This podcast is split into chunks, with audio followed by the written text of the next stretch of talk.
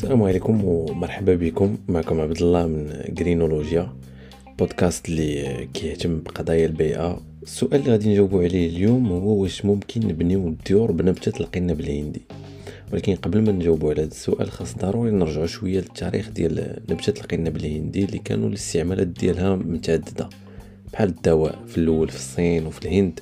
قبل من 4000 سنة قبل التاريخ المعاصر كانت كتستعمل النبتة في علاج الروماتيزم ومشاكل الهضم وكذلك كمسكن للآلام. وحتى اسم نبتة القنب الهندي كيدل على الاستعمال ديالها كقنب في مجال الملاحة ومجالات أخرى. وكان معروف على هذا القنب اللي جاي من هذه النبتة بالقوة والمقاومة الكبيرة ديالو.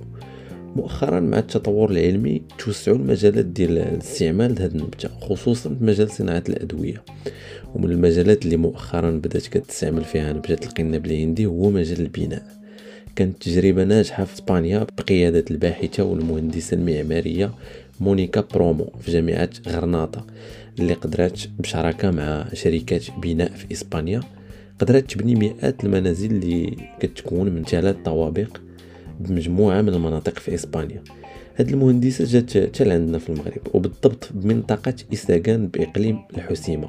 ودارت أبحاث على نوع القنب الهندي اللي عندنا في هاد المنطقة واللي هو من نوع sativa واللي كان كيتستعمل في صناعة الورق في الأندلس والأغراض الطبية وصناعية أخرى. وبشراكة مع تعاونية محلية قدروا يبنيو أول منزل بالطوب المستخرج من القنب الهندي. خاص نعرفوا بأنه كاين أبحاث كتثبت الفعالية ديال هذه النبتة في مجال البناء وكتعتبر حسن من الخشب وإيكولوجية أكثر بطبيعة الحال مع أنها عازلة أكثر كتخلي المنزل دافئ في الوقيتات ديال البرد وكتمتص حتى الأصوات من خارج المنزل بحال المواد العازلة اللي كتكون في الاستوديوهات ديال التسجيل.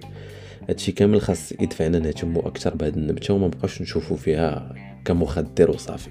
كان معكم عبد الله من جرينولوجيا نتلاقاو في الحلقة القادمة.